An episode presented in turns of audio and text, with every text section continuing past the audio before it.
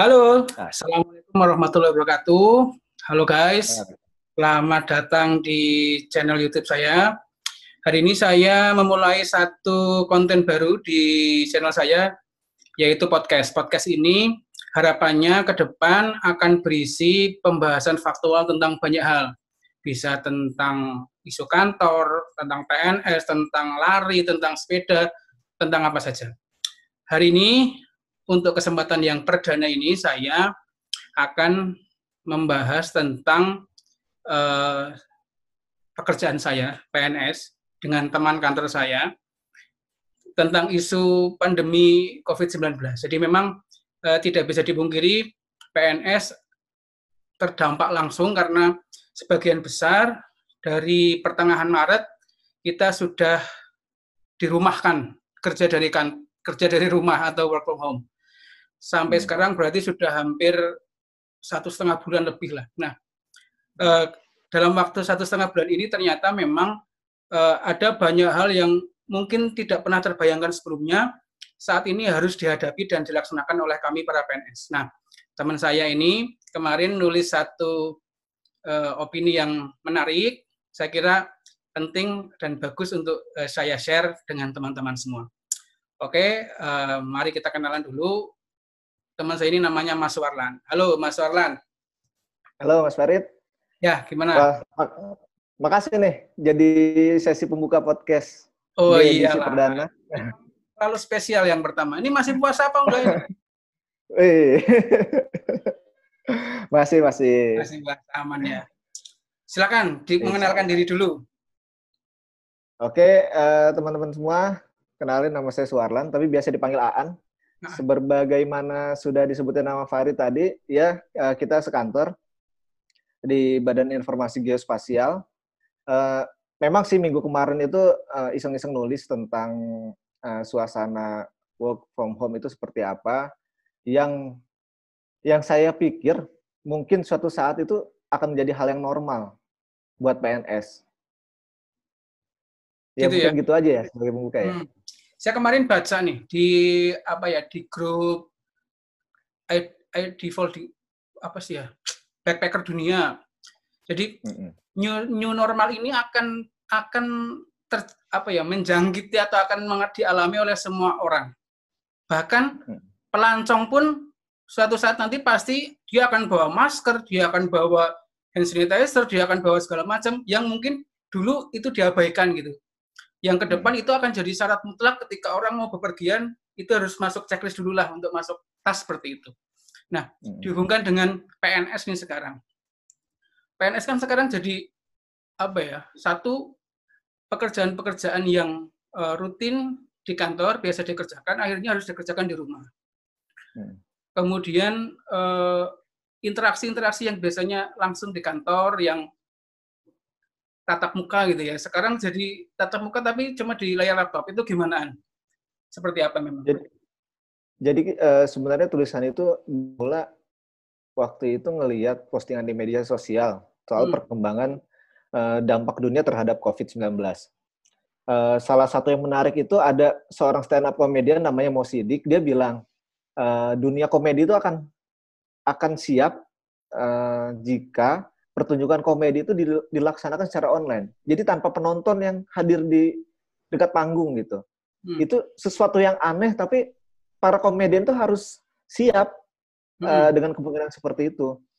Dan juga uh, kalau dilihat uh, kebetulan saya hobi nonton bola ya. Hmm. Pertandingan liga-liga Eropa itu banyak yang berhenti gitu. Hmm. Tapi ada satu liga uh, ada beberapa liga yang memutuskan tetap jalan tapi harus menyesuaikan diri tanpa penonton gitu. Itu hmm. itu kan sesuatu yang tidak dibay, tidak bisa dibayangkan sebelumnya gitu. Bagaimana mungkin ada pertandingan sepak bola nggak ada penonton? Hmm. Ruhnya itu seakan-akan hilang gitu. Sama halnya dengan COVID-19 ini sebenarnya. Banyak sekali industri-industri yang uh, sangat terpengaruh seperti hmm. tadi Farid bilang soal pariwisata itu terpengaruh sekali hiburan juga terpengaruh, otomotif, manufaktur dan banyak hal. Tapi kan hidup itu kan harus selalu terus berjalan gitu ya. Hmm. Bisnis itu roda perekonomian harus tetap bergerak. Makanya eh, kenapa kemarin uh, melihat oh kayaknya perlu ada adaptasi yang harus dilakukan baik itu baik itu industri hiburan, industri pariwisata dan termasuk pekerjaan saya sebagai PNS gitu. Hmm. Bisa jadi di birokrasi ini suatu saat itu pekerjaannya akan berjalan normal. Uh, itu dikerjakan dari jarak jauh itu bisa. Makanya kita melakukan ini sekarang bisa jadi beberapa tahun ke depan oh ya udah itu hal yang biasa kok gitu. Dan ternyata uh, sejauh ini ya saya bisa menilai uh, kerjaan saya dan orang-orang sekitar saya tidak terpengaruh sama tidak terpengaruh banyak lah. Terpengaruh hmm. sedikit ada, tapi dari segi produktivitas uh, tidak terpengaruh tuh. Masih oke-oke aja, mau dari rumah, mau dari kantor. Jadi ternyata itu membuktikan bahwa uh, kerja dari rumah itu akan menjadi sesuatu hal yang normal, yang baru bagi PNS. Ya, menarik sih memang. Jadi karena kan uh, menariknya kondisi ini dialami PNS seluruh Indonesia gitu ya. Hmm. Jadi memang resmi dari PANIRB bahkan ada ada edaran untuk untuk bekerja dari rumah gitu. Artinya siap tidak siap kita kemarin dirumahkan gitu kan, dirumahkan. Hmm. Yang saya rasakan sendiri di minggu-minggu awal ya terasa aneh saja misalnya ya tadi pekerjaan-pekerjaan yang biasanya di di kalau di kantor kan mau tanya apa tinggal jalan ke meja mana udah tanya ini langsung kerja balik lagi ke meja dan segala macam segala macam interaksi-interaksi itu sedemikian drastis berkurang berkurang yeah. dalam artian fisik tapi grup WhatsApp jadi rame grup WhatsApp jadi rame dan kalau kalau saya sih langganan internet gitu ya jadi tidak begitu masalah teman-teman yang tidak langganan internet wah kuotanya katanya kubur karena dengan semakin intensnya rapat meeting yang daring segala macam itu itu ternyata kuotanya segala macam uh, banyaklah kebutuhannya. Artinya iya. sebenarnya yeah. Sejauh mana sih uh, kondisi normal ini akan apakah kondisi normal yang sekarang katakanlah di kondisi pandemi ini kita sebut kondisi tertentu apakah di kemudian hari akan berubah lagi ke yang sebelumnya atau tetap seperti ini dengan perubahan-perubahan yang menyesuaikan? Terutama di ada ada aspek non teknis terkait dengan kuota internet lah mungkin di rumah ternyata anak dan istri juga ikut ikutan rapat gitu kan tidak tidak sengaja lewat di depan kamera dan segala macam itu gimana? Iya, iya sih sebenarnya uh, tadi soal kuota internet gitu terjadi sekarang ini ada pergeseran bukan pergeseran jadi ada pertambahan kebutuhan dasar sebenarnya ketika hmm. kita sebagai PNS itu atau manusia kebutuhan dasarnya itu makan hmm. yang yang PNS di bentuk uang makan segala macam. Ternyata ada kebutuhan dasar lagi ketika kita kerja dari rumah itu, yaitu kebutuhan terhadap kuota internet gitu kan. itu dan uh, itu sebenarnya sesuatu yang wajar sebenarnya kalau karena kan mau mau mau nggak mau konsumsi kita akan uh, bertambah dari segi kuota internet. Tapi kan uh, kita juga bisa mensubstitusi daripada biaya yang kita keluarkan terhadap transportasi misalnya. Ya. Karena kan kita tidak tidak bepergian segala macam, uh, kita tidak harus macet-macetan, tidak harus berdesak-desakan dengan de, di dalam KRL misalnya, dan juga misalkan uang untuk uh, beli bensin, untuk tol atau untuk naik Grab segala macam itu bisa kita alihkan ke kuota kan sebenarnya. Nah, uh, jadi menariknya uh, tadi ya dari banyak banyak uh, eh, PNS yang harus dirumahkan ternyata masih tetap ada yang harus ngantor awal-awal hmm. terutama sebelum PSBB terutama ya jadi hmm. kayak eselon-eselon itu tetap harus ngantor beberapa yeah. teman-teman harus ngantor adik saya yang kebetulan di Bawaslu yang bagian protokol juga mau tidak mau beberapa hari tetap harus ngantor karena tadi protokol itu kan ada hal-hal ternyata yang memang mau tidak mau tidak selamanya bisa dilaksanakan dengan KDR yeah. ini gitu dan atau katakanlah dengan sistem online seperti ini gimana itu kan? Iya, eh memang sih tidak semua pekerjaan bisa dilaksanakan secara efektif dengan dari rumah gitu. Hmm. Uh, ada ada beberapa pekerjaan yang sebenarnya bisa berjalan bisnis as usual seperti seperti di kantor aja. Misalkan hmm. pekerjaan mengolah data, uh, menganalisis data, membuat telahan akademis, membuat review peraturan segala macam. Bahkan dengan inovasi terbaru pun pekerjaan administratif pun bisa ternyata dilakukan dari jarak jauh. Karena kan kita ada inovasi sekarang tanda tangan secara elektronik. Wah iya ini tanda tangan elektronik. Jadi sekarang kosong bagian tanda tangan ada QR code-nya gitu ya? Iya betul. Nah itu kan sebenarnya apa ya perkembangan uh, teknologi dan aplikasi kita tuh ternyata dipaksa untuk terus berinovasi, untuk bergerak gitu. Ya. Kita kita beberapa bulan yang lalu nggak kepikiran tuh ada tanda tangan elektronik buat di kantor kita gitu. Dan ternyata karena WFH ini, ya mau nggak mau ada. Dan ternyata uh, dampaknya, kalau saya pikir-pikir, kalau uh, misalkan tanda tangan elektronik itu, itu bisa mempercepat uh, jalur pekerjaan gitu. Nggak harus bolak-balik minta paraf. Ya. Langsung aja kirim uh, apa draftnya langsung aja tanda tangan langsung jadi gitu. Ya. Itu itu bisa mempercepat pekerjaan administratif sebenarnya. Tapi memang tidak dipungkiri bahwa nggak semua pekerjaan itu bisa dilaksanakan secara uh, dari jarak jauh. Misalkan untuk uh, pengumpulan data, mungkin teman-teman yang di uh, yang harus survei, bahkan penelitian sosial pun kalau misalkan ada uh, pengumpulan data yang dengan kualitatif, ya itu nggak nggak bisa banget dilakukan secara jarak hmm. jauh gitu uh, termasuk juga protokoler uh, nggak semua protokoler juga dapat karena kan ada fungsi yang harus dilakukan tapi hmm. Sebagian sebagian dari uh, pekerjaan birokrasi terbukti bisa dilakukan dari jar, dari jarak jauh gitu hmm. jadi uh, prediksi saya kemungkinan ketika pandemi ini berakhir ya mungkin aja bisa jadi uh, sebagian pekerjaan kita bisa dilakukan dari jarak jauh atau mungkin bisa jadi nih ada ada satu hari khusus uh, dalam satu minggu kita boleh kerja dari mana aja. Nah, ini yang menarik. Jadi pasti kita ingat bahwa beberapa bulan lalu ada rencana tentang PNS yang kerja shift-shiftan. Iya. Yang katakanlah pokoknya ada yang kerja dari rumah itu yang saya ingat banget di Bapenas yang awalnya merencanakan ya. itu kan.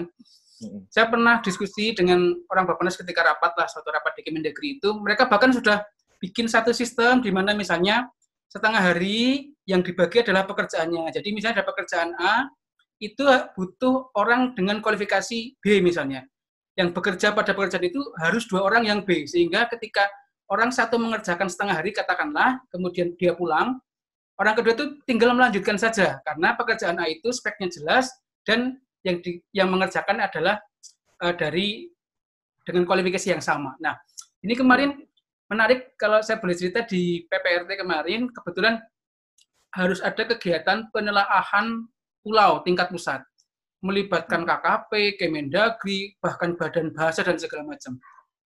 Yang dulu harus memang dilaksanakan di hotel dan segala macam, ternyata ya saya boleh sebut berjalan sangat baik lah kemarin dengan dengan segala macam keterbatasan dan segala macam itu ya nyatanya selesai berita acara tingkat pusat pun ditandatangani digital juga. Jadi ini menarik bahwa ya.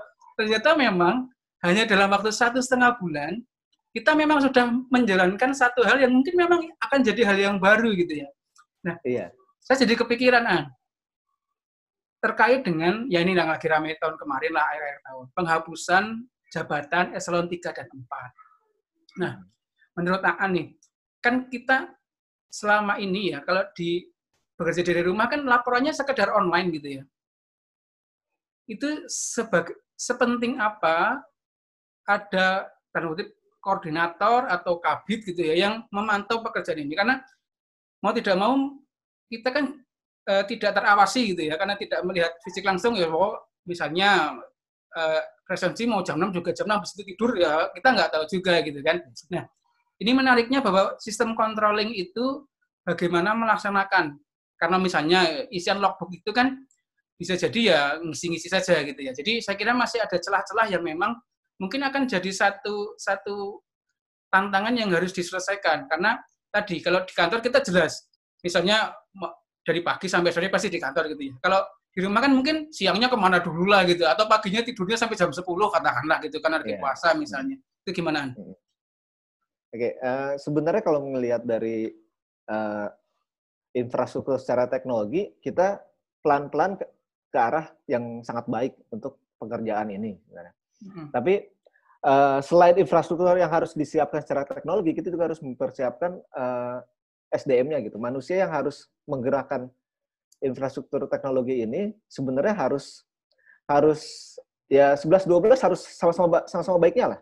Hmm. Uh, karena kemampuan manajerial yang yang dimiliki se seorang eselon 3, eselon 4 atau mungkin nanti koordinator jabatan fungsional itu memang hmm. sangat berperan di dalam hal ini.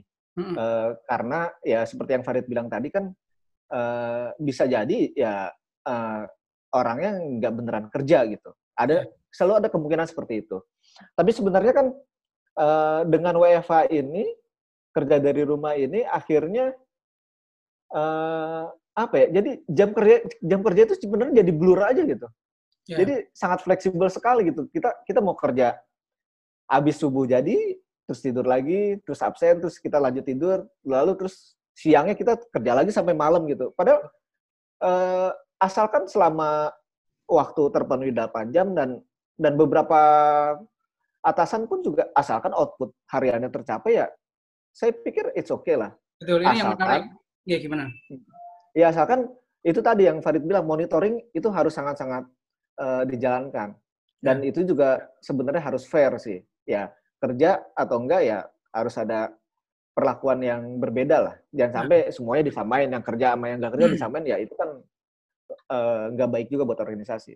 Nah itu, itu yang menarik. Jadi memang uh, kalau dari BFA ini atau kondisi kader ini kan berarti yang lebih bisa diukur adalah outcome atau outputnya itu. Pokoknya begitu dia tidak tercapai, berarti dia kerjanya nggak benar. Nggak benar itu entah dia jam kerjanya kurang di rumah, entah dia ngerjanya malas-malasan karena tidak dilihatin langsung oleh bos misalnya seperti itu, atau hmm. segala macam. Nah, uh, kalau sekarang berbagi pengalaman pribadi, dari katakanlah 100% pekerjaan yang selam, sebelum pandemi ini berjalan, ketika KDR ini berapa persen yang tuntas dikerjakan dengan output atau outcome yang relatif sama kualitasnya dengan yang sebelumnya?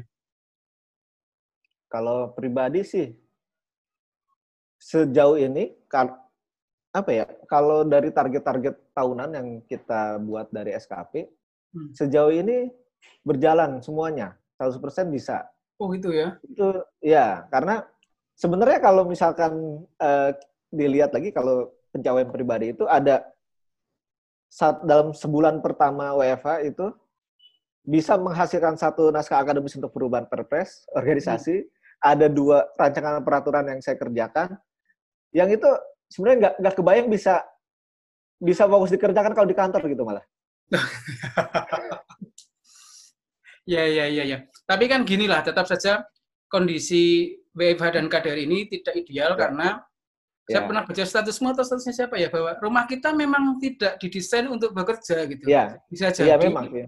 Bisa jadi kita tidak punya meja kerja yang ergonomik, kursi yang ergonomik. Ini juga pakai meja ini udah encok nanti mungkin setengah jam lagi. Gitu ya. itu, itu kan menarik. Maksudnya gini, uh, bagaimana uh, satu mungkin karena di karena sekarang dalam kondisi terdesak dan mendesak, maksudnya ya kita bekerja saja gitulah ke depan misalnya bahwa akan diimplementasi ya tadilah katakanlah tidak full seminggu kita akan di rumah tapi katakanlah sehari dua hari mungkin kita bekerja dari rumah bagaimana pemenuhan tadi standar-standar bekerja yang selama ini masih kurang sebenarnya konsep kerja dari rumah itu seperti yang yang Farid sebutkan tadi kan ini sebenarnya bukan sesuatu hal yang baru ya. ya. Misalkan uh, Desember 2018 saya pernah ikut sebuah seminar di Kementerian Keuangan, kebetulan itu Ibu Menteri Keuangan sendiri yang hadir, dia bilang di masa depan bisa jadi Kementerian Keuangan itu bekerjanya itu nggak harus di kantor gitu. Lalu 2019 eh, pertengahan eh, Kementerian PAN dan RB itu me, menindaklanjuti usulan dari Bappenas yang Pak Farid sebutkan bahwa ada Bappenas berusaha mengusulkan agar ada ada saat-saat tertentu itu pekerjaan itu tidak dilakukan di kantor. Dan akhirnya mau tidak mau di COVID-19 ini kita semuanya mengimplementasikan itu gitu. Ya. Tapi menariknya gini An, benar. Uh, kembali lagi ke tadi ya, kita kalau institusi kita lah, kita bekerja di bidang pemetaan. Kemarin isu yang mengemuka itu misalnya pekerjaan-pekerjaan ke lapangan ini kan tertunda, tertunda padahal ya. sudah sudah kontrak gitu ya sudah kontrak harusnya ke lapangan mengakuisisi data tapi terhambat karena kita nggak boleh ke mana-mana dan moda transportasi semua ditutup. Artinya sebenarnya apa sih uh, hal positif negatif yang paling kentara dalam kondisi WFH ini yang mungkin uh, ini akan jadi masukan buat pengambil kebijakan terkait dengan hal-hal tersebut lah. Oh iya, uh, yang pertama seperti yang disebutkan tadi, memang sih uh, unit produksi pemetaan itu pasti terganggu karena kita akan sangat kesulitan untuk pengumpulan data. Itu salah satu bentuk pekerjaan yang sangat-sangat terganggu karena kita harus kerja di rumah. Kita tidak bisa bertemu dengan banyak orang, tidak bisa koordinasi dengan uh, uh, instansi lain. Mungkin koordinasi bisa, dilakukan dengan online, tapi pengambilan data di lapangannya nggak bisa. Gitu. Ya. Kalaupun kita bisa datang ke lokasi, kan kita harus dikarantina dulu nih 14 hari. itu jadi masalah lagi. itu jadi masalah gitu kan. Uh, itu secara teknis. Belum lagi soal masalah psikologis gitu. Kita ya. kerja di rumah, uh, bisa jadi kita kehilangan uh, kemampuan sosial kita gitu. Kita kan makhluk sosial nih. Kita perlu buat berinteraksi segala macam. Ya, ya, kita butuh banyak orang buat diskusi, ya. butuh buat uh, tempat buat bercanda hal-hal ringan segala macam. Tapi dan ini nggak ketemu gitu karena hmm. ada ada kewajiban ekonomi apa kewajiban buat kerja dari rumah. Uh, tapi uh, gimana ya?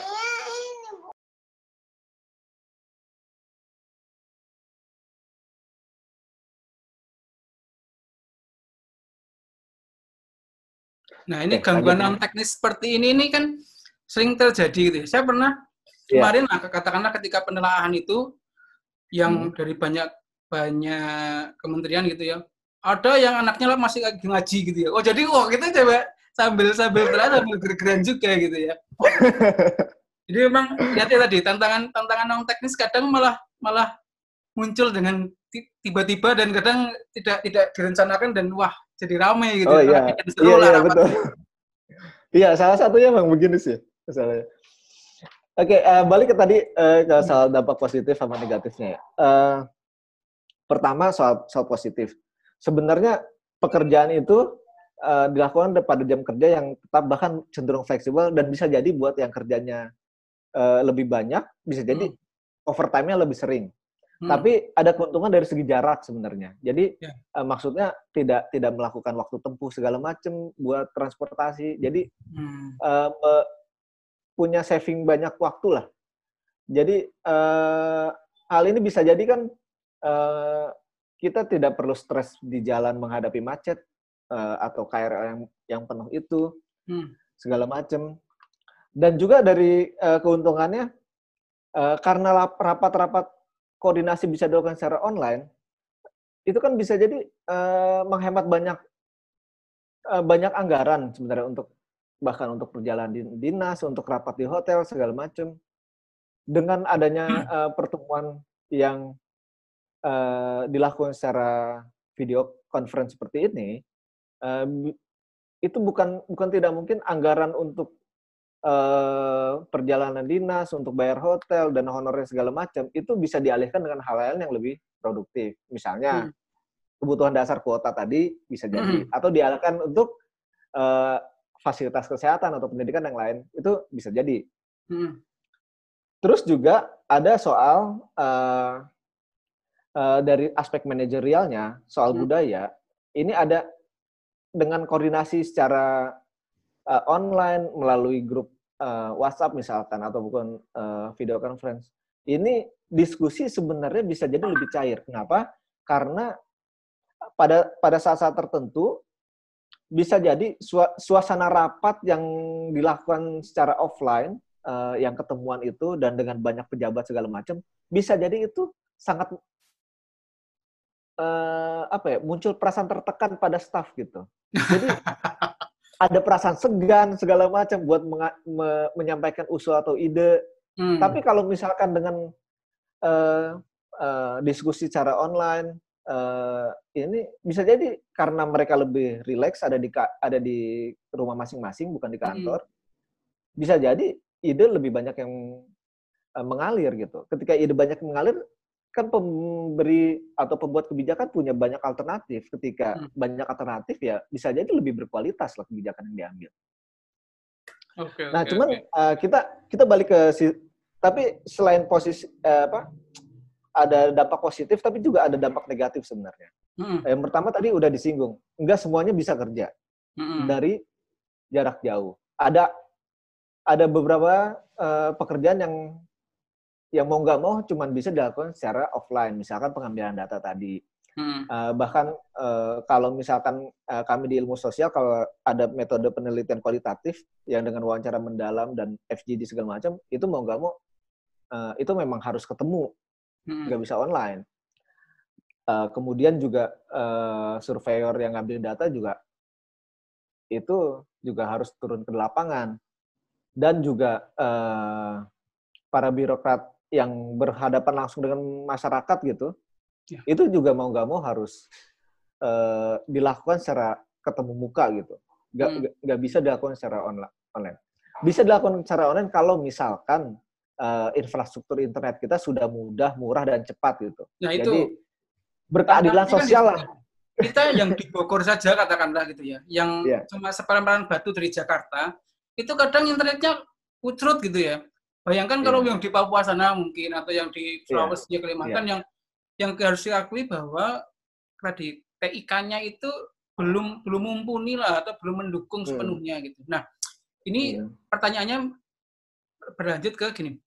Kalau katakanlah nanti pandemi ini berakhir, ada satu satu apa sih normal yang baru gitu ya. Normal yang baru itu mungkin hmm. yang orang mungkin sudah lupa juga yang lalu kayak apa, tapi sudah sudah memang waktu ini pesantren gitu lah, pesantren COVID ini bisa membuat kita ke hal yang baru itu gitu ya. Iya. Nah, kalau mau closing statement nih sebenarnya nih.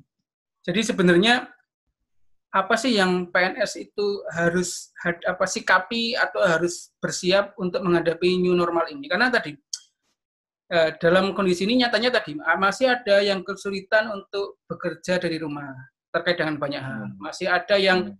terkendala TIK dan segala macam gitu. Jadi kalau normal ini berlanjut atau kondisi ini berlanjut menjadi sebuah kenormalan baru, itu seperti apa? PNS-PNS harus harus uh, bersiap atau menyiapkan diri yang lebih baik. Hmm. Sebenarnya uh, kalau nyambung soal dampak negatif dan apa yang harus disiapkan itu ada kita harus siap secara mental dulu sebenarnya. Kenapa? Karena sebenarnya kerja dari rumah ini bisa jadi mempengaruhi psikologis uh, banyak orang, hmm. termasuk kita PNS gitu. Kita kan uh, ketika kita dikurung, uh, logikanya sama seperti uh, narapidana gitu ya kan. Kita harus di, dikurung beberapa waktu gitu, dan ketika kita keluar tuh dunia udah berubah gitu. mau stop dulu, mau stop dulu. Ya, saya ingat berita yang kemarin, yang narapidana mau ngerampok di tol di gate tol. Oh iya. Ya, ya, ya, yang yang diselidiki. Dikiranya kan. masih masih tunai sekarang sudah nonton. Itu benar-benar saya oh, oh gila berarti sedemikian terkurungnya dia sehingga nggak tahu terus sekarang sudah iya. nonton semua gitu. iya. Iya maksudnya aspek-aspek apa ya uh, kondisi psikologis gitu kan sangat berpengaruh ketika kita bekerja. Kita harus kita misalkan gini kita kita terbiasa kerja dari rumah terus kita ada kewajiban lagi harus ke kantor. Itu kan kita harus persiapan lagi gitu. Hmm. Uh, dan juga karena ada masalah ini, kita juga harus siap mental gitu ketika suatu saat dunia berubah lagi gitu. Yeah. Karena kita tahun kemarin kita nggak menduga kalau kita semua harus dirumahkan dan kerja di rumah gitu. Bisa jadi tahun depannya apalagi nih yang keluar nih. Yeah. Gitu, jadi uh, kesiapan mental itu benar-benar harus uh, kita kita pikirkan dan kita benar-benar cermati karena uh, kita tidak bisa menduga apa yang terjadi di masa depan. Yang kedua, kita uh, kita sudah terbiasa melakukan suatu pekerjaan metode uh, uh, di kantor harus di rumah. Kemudian ketika di rumah saya harus kantor lagi tuh harus switch yang sangat cepat dan adaptasi yang sangat cepat lagi agar kita uh, ritme pekerjaannya kembali ke normal gitu. Normal dalam artian kita tetap produktif, tidak ada pengaruh apa pun. Iya sih. Kalau yang saya pribadi sih, mungkin ya karena saking lamanya di rumah kita sampai nggak apal kalendernya tanggal merah atau enggak. Jadi nah iya benar. kemudian kita sudah nggak sudah nggak apal hari lah. Mau hari Senin, Minggu maupun ya kita di rumah terus itu. Jadi ini dan karena memang kita physical distancing ya, hmm. kan saya yakin sebagian besar orang di rumah saja gitu nggak ke mana-mana gitu ya. Hmm. Ya jadi mungkin uh, apa ya? Ketika dia keluar rumah dan segala macam ya jadi ah ini hari apa sih segala macam mungkin juga terjadi karena jalannya sepi terus dan segala macam mau hmm. apalagi malam sekarang udah nggak ada malam minggu malam apa semuanya sepi banget gitu kan itu mungkin juga ya dampak-dampak yang mungkin saya nggak tahu lah kalau ke depan mungkin kondisinya sudah membaik mungkin orang akan mulai berani keluar dan segala macam. Tapi saya melihat benar bahwa kayaknya bekerja dari rumah ini suatu saat akan implemented di banyak banyak sektor gitu ya. Karena dalam waktu satu setengah bulan saja yang katakanlah dipaksakan, saya kira memang ada hal baik yang dapat terjadi, ya tadi lah interaksi-interaksi yang kita dapat berjalan tetap lancar, pekerjaan yang tetap bisa berjalan dengan baik, rapat yang tetap didatangi bahkan oleh lebih banyak orang daripada rapat yeah. yang offline gitu ya. Karena yeah, semuanya tinggal buka HP gitu atau buka laptop mulai udah ikut rapat gitu ya. Uh, yang mudah-mudahan lah. Uh, sama sama itu inovasi inovasi teknologi itu mau nggak mau harus bergerak gitu. Kayak misalkan betul uh, karena ada WFA ini kita awalnya harus presensi secara elektronik, mm-hmm. harus harus secara online kita absen. Mm. Terus kemudian uh, secara beberapa minggu kemudian ada lagi tanda tangan secara elektronik lagi. Mm. Ter ke depannya ini belum tahu apalagi nih bisa jadi lah semakin banyak semakin banyak lagi. Uh, mm. Jadi bener kan ada ada sebuah joke kemarin tuh di di internet yang bilang hal yang memaksa perkembangan teknologi lebih cepat itu bukan karena kemampuan kita pekerja atau kemampuan atasan, tapi karena ada COVID-19 ini aja. benar, benar, benar, benar. Oke, saya kira sangat menarik ini diskusinya. Jadi terima kasih An sudah sharing. Mudah-mudahan nanti banyak yang berinteraksi. Oh, iya, sama -sama. Ini videonya kan saya upload di YouTube, jadi kalau mungkin nanti ada komen-komen kita bisa berinteraksi di YouTube ya. Oke, selamat oke, oke. menunggu buka puasa. Mudah-mudahan bermanfaat ya semoga. Ya, sampai jumpa. Ya. Makasih banyak ya. Yuk. Ya, sama-sama. Dadah.